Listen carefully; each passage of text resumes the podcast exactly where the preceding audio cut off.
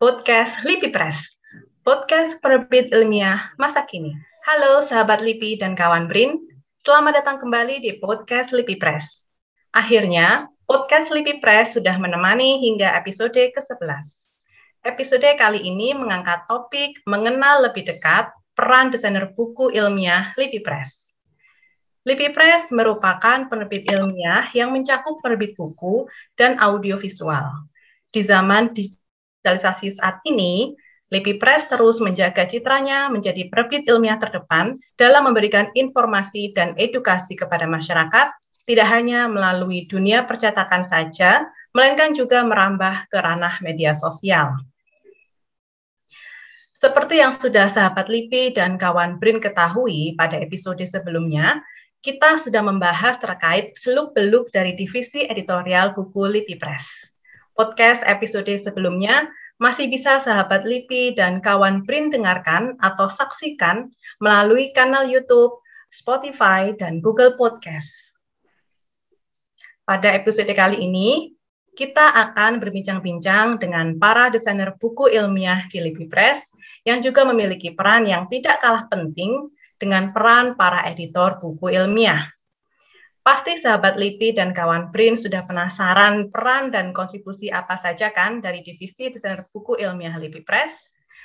Langsung saja saat ini telah hadir pembicara kita, yaitu Kak Devi EIR Mahelingga MSN sebagai Koordinator Pelaksana Fungsi Pengemasan dan Pengembangan Konten.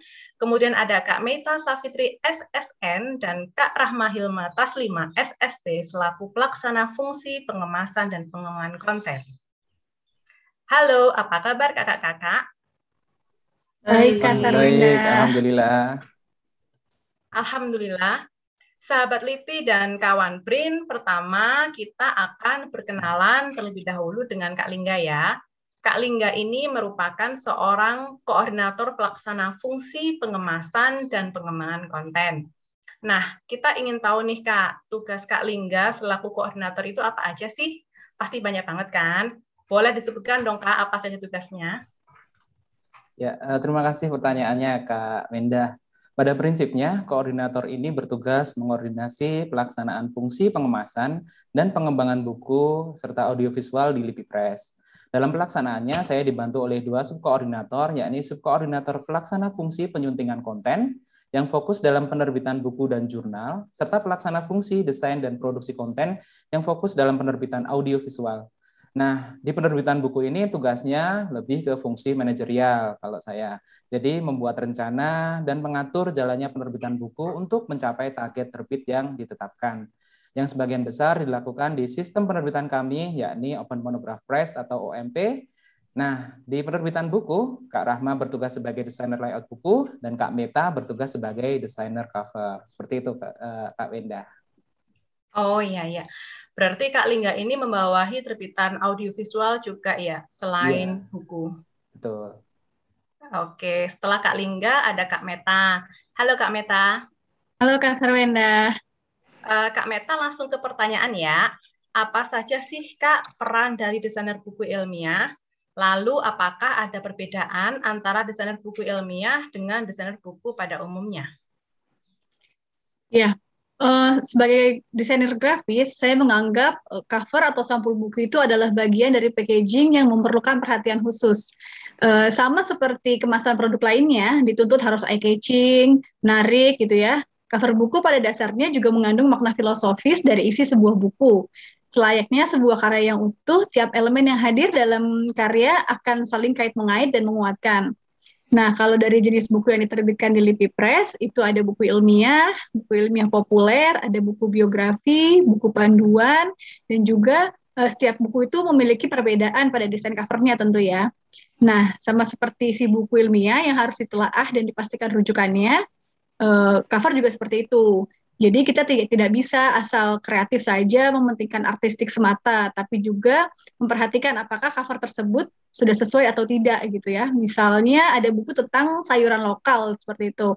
Nah, spesies sayuran yang muncul di cover itu harus benar-benar sayuran lokal. Jadi peran verifikasi penulis juga penting. Jadi tidak hanya dari kreativitasnya desainer. Seperti itu Kak Sarwenda. Hmm. Oh iya iya. Berarti ada dua peran ya Kak yang dilakukan oleh Kak Meta itu selain sebagai desainer grafis di Lipi Press, Kak Meta juga bertugas sebagai layouter dan cover designer ya. Oke, baik. Terima kasih Kak Meta. Sahabat Lipi dan kawan Brin, uh, sekarang kita tanya Kak Rahma. Kak Rahma bisa tolong jelaskan nggak apa sih yang menjadi fokus seorang desainer buku ilmiah itu? Yang pasti kita uh, apa jenis huruf kayak gitu kan ukuran huruf tata letaknya itu uh, yang jadi fokus kita tapi selain itu kita uh, apa ya feelnya sense of layoutnya gitu juga harus dapat dalam layout sebuah buku misalnya kalau naskahnya banyak gambar nah kita harus tahu nih bentuk akhir bukunya seperti apa seperti itu kak Wenda Oh gitu Kak Rahma. Kalau gitu Kak Rahma itu spesialisasinya khusus di bidang layouting saja ya? Jadi iya. bukan cover designer seperti Kak Meta tadi. Ya. Oke, okay. berarti memang menjadi seorang desainer itu perlu memiliki sense of layouting juga ya, Kak. Dan itu barangkali bisa diperoleh dari pengalaman. Artinya bukan hanya mengerti dan mengenal teori, tetapi juga harus dipraktikkan secara langsung. Oke, kembali lagi ke Kak Lingga. Ya. Kalau pada podcast episode sebelumnya kan uh, profesi editor buku ilmiah itu memiliki beberapa divisi ya kak. Betul. Nah kalau uh, di sini apakah profesi desainer buku ilmiah Lipi Press itu juga memiliki beberapa divisi di dalamnya? Lalu apa saja sih peran setiap divisinya kak? Ya uh, terima kasih uh, kak Mendah atas pertanyaannya. Uh, desainer buku juga memiliki beberapa divisi yang lebih spesifik ya di dalamnya. Ada dua divisi desainer buku di kami yang pertama adalah desainer layout atau tata letak, dan yang kedua adalah desainer cover atau sampul buku. Uh, seperti namanya, desainer layout bertanggung jawab atas tampilan layout isi naskah buku, dan desainer cover bertanggung jawab dalam mendesain tampilan cover atau sampul buku ilmiah. Seperti itu, Kak Wenda. Terima kasih, Kak Lingga. Lanjut ke Kak Meta lagi ya. Kak Meta ini kan terjun langsung ke kedua divisi tersebut, baik itu layout maupun cover designing. Jadi pertanyaannya gini Kak, bagaimana alur kerja yang ada dalam kedua divisi desainer buku ilmiah Lepi Press? Silakan Kak Meta. Ya, uh, untuk desainer layout ya atau layouter di sini kan uh, akan menyusun tata letak ya atau melayout sebuah naskah yang telah selesai di copy edit oleh editor di Lipi Press. Nah, kemudian uh, menggunakan software InDesign ya di kami dan kemudian uh, sambil kita menyusun tata letaknya, kita juga mengajukan ISBN ke Perpusnas, ke Perpusnas begitu Mbak Sarwenda. Kemudian di proses pracetak, uh, desain cover buku juga sudah bisa membuat cover buku dari bahan naskah yang ada di uh, uh, naskahnya penulis gitu ya, baik berupa gambar atau foto yang didapat dari penulis. Tidak ada, maka desainer bisa membuat ilustrasi yang sesuai dengan tema judul buku tersebut. Kemudian setelah ada alternatif cover, kita ajukan ke penulis dan berkoordinasi melalui OMP Lipi Press.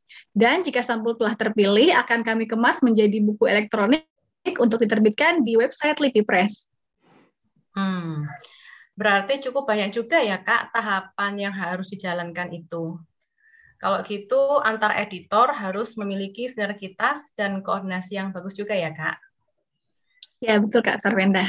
Oke, kita ngobrol bergantian ya. Habis Kak Lingga, Kak Meta, sekarang ganti lagi ke Kak Rahma. Jadi kalau menurut Kak Rahma nih ya, apa yang seharusnya dimiliki atau diperhatikan oleh desainer buku ilmiah agar bisa mengikuti perkembangan zaman seperti era digitalisasi saat ini? Yang pasti sih update kemampuan ya sesuai perkembangan. Kalau sekarang kan masyarakat bisa mengakses uh, versi e-book. Nah, nanti ketika kita mempdf kan, terus kita mengaktifkan tuh fitur bookmark sama hyperlinknya. Jadi sehingga memudahkan para pembaca untuk direct referensi ketautan yang tertera di daftar pustaka secara cepat dalam e-book tersebut. Jadi selain itu, saat ini kita juga sedang menjajaki pengembangan e-book yang memadukan antara buku dan audio visual sehingga nanti tampilan e-book ilmiah ke depan akan lebih interaktif gitu. Wah, berarti Lipi Press ini memang sudah benar-benar mempersiapkan diri untuk bisa beradaptasi dengan dunia yang ramah digital seperti sekarang ya, Kak. Mantap. Iya.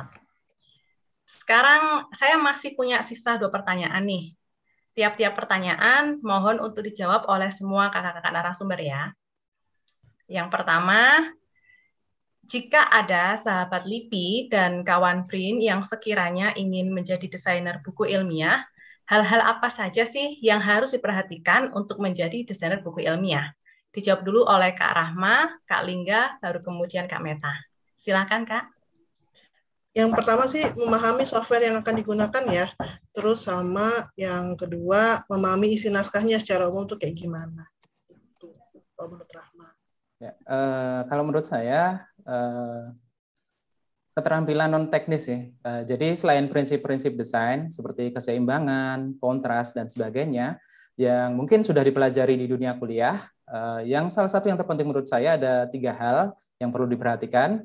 Eh, yang pertama adalah kemauan untuk belajar, karena setiap penerbit memiliki gaya selingkuh masing-masing yang harus diterapkan secara konsisten, sehingga mau tidak mau kita harus belajar lagi, yang sering kali berbeda dengan saat eh, kita kuliah, seperti itu. Kemudian yang kedua adalah komunikasi yang baik, karena dalam penerbitan ini kita adalah satu tim, dan prosesnya uh, seperti roda yang berjalan. Sehingga komunikasi yang baik akan sangat mendukung bagi profesi desainer yang merupakan hilirisasi proses dari tim sebelumnya.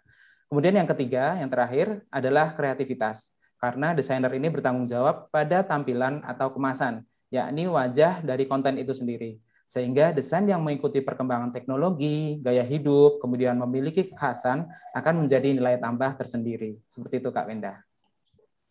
Ya, kalau dari saya sih hampir sama ya, Kak Lingga sudah lengkap sekali tadi menjelaskannya ya. Jadi sebagai desainer itu harus bisa uh, membuat kreativitas yang sesuai dengan isi buku dan menarik juga ya. Jadi menjadi satu kesatuan yang utuh dan juga harus memperhatikan jelas verifikasi dari sumber yang digunakan seperti itu.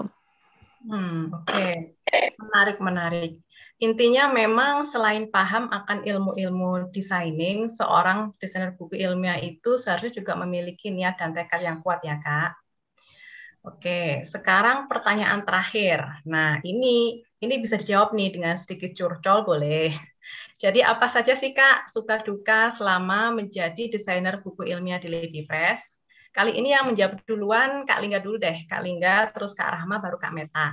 Monggo silakan. Ya, uh, terima kasih Kak Wenda pertanyaannya. Uh, kalau saya pribadi uh, lebih banyak sukanya ya, karena desainer ini sejalan dengan hobi saya sehingga bisa menuangkan kreativitas uh, kalau dalam hal ini berupa mengemas buku seperti itu. Uh, kalau terkait uh, dalam tanda kutip ilmiahnya, memang memiliki tantangan tersendiri ya, karena berbeda dengan desain lain yang lebih umum. Predikat ilmiah yang disandang memiliki konsekuensi hal-hal yang perlu diperhatikan, seperti akreditasi atau aturan-aturan penulisan ilmiah, sehingga lebih memeras kreativitas di tengah keterbatasan seperti itu. Uh, sebagai contoh, uh, layout buku ilmiah itu harus konsisten dan sistematis, tidak seperti majalah yang cenderung dinamis seperti itu. Namun uh, kembali lagi ya keterbatasan ini bukannya tanpa pengembangan, karena malah menemukan celah pengembangan layout dan desain yang menarik untuk dikaji. Uh, misalnya uh, di kita ada standar tampilan buku dan jurnal ilmiah yang ternyata bisa sedemikian unik untuk dikembangkan Eh, karena mengikuti perkembangan teknologi. Seperti itu Kak Wenda eh, suka dukanya. Ya, nah, kalau kalau Rahma suka sukanya kalau naskahnya bersih. Jadi uh, sedikit tuh perbaikan-perbaikan dari editor maupun dari penulis. Nah, tapi kalau dukanya pernah uh, apa perobakan total tata letak naskah, terus ukuran bukunya jadi sesuai keinginan penulis. Itu yang harus uh, apa ya ulang lewat ulang dari awal. Gak apa-apa Kak. Silakan Kak Meta. Ya, kalau dari saya pribadi, uh, saya suka sih di desain ya. Kebetulan kan memang juga uh, ini sesuai dengan jurusan kuliah saya gitu ya. Jadi ketika penulis itu memiliki gambar atau foto yang masuk kriteria untuk dijadikan cover ya, baik dalam cover maupun isi buku sudah jelas, resolusi fotonya juga yang diberikan juga bukan hasil yang dijepret lewat kamera handphone gitu ya. Terus ketika kita koordinasi juga penulis pas respon ya. Jadi kita berkoordinasi uh, lebih cepat seperti itu ya uh, dari proses pracetaknya lebih cepat, otomatis nanti akan terbitnya juga sesuai dengan deadline yang sudah ditentukan seperti itu. Uh, ya ada dukanya juga ya ketika penulis memaksakan cover yang uh, sesuai keinginan penulis seperti itu. Padahal bisa jadi foto atau sumbernya itu tidak sesuai gitu ya, tidak sesuai persyaratan yang ada kayak uh, apa namanya low res seperti itu ya. Jadi tidak bagus ketika dijadikan uh, tidak layak untuk dijadikan cover karena pecah misalnya seperti itu kualitas image-nya serta slow respon ketika kita sedang melakukan koordinasi seperti itu jadi jadinya memperlambat proses yang seharusnya sesuai dengan deadline seperti itu Kak Sarwinda. Oke, terima kasih. Jadi variatif juga ya Kak, suka duka dan juga pengalaman yang dirasakan oleh kakak-kakak narasumber. Tapi dari penjelasan semua tadi dapat saya simpulkan bahwa walaupun seorang desainer buku ilmiah itu bergelut dengan naskah buku ataupun jurnal, tetapi sesungguhnya mereka tidak semata-mata hanya mengerjakan itu saja. Mereka desainer buku ilmiah itu juga wajib memiliki kemampuan komunikasi yang baik untuk menghadapi atau ketika berinteraksi dengan para pemilik naskah tersebut. Oke, sahabat LIPI dan kawan BRIN, seru banget kan bincang-bincang kali ini. Tapi sangat disayangkan ya, karena tanpa terasa waktu telah berakhir nih. Nah, sebelum saya tutup, saya ingin mengucapkan terima kasih kepada Kak Lingga, Kak Rahma, dan juga Kak Meta yang sudah meluangkan waktu untuk berbagi pengalaman dengan sahabat LIPI dan kawan BRIN. Semoga podcast kali ini juga dapat memberikan informasi bermanfaat bagi sahabat LIPI dan juga kawan BRIN, khususnya terkait dunia desainer buku ilmiah. Sekian podcast kali ini. Nantikan terus informasi dan edukasi menarik lainnya di podcast LIPI Press selanjutnya. Podcast LIPI Press, podcast perbit ilmiah masa kini. Sampai jumpa.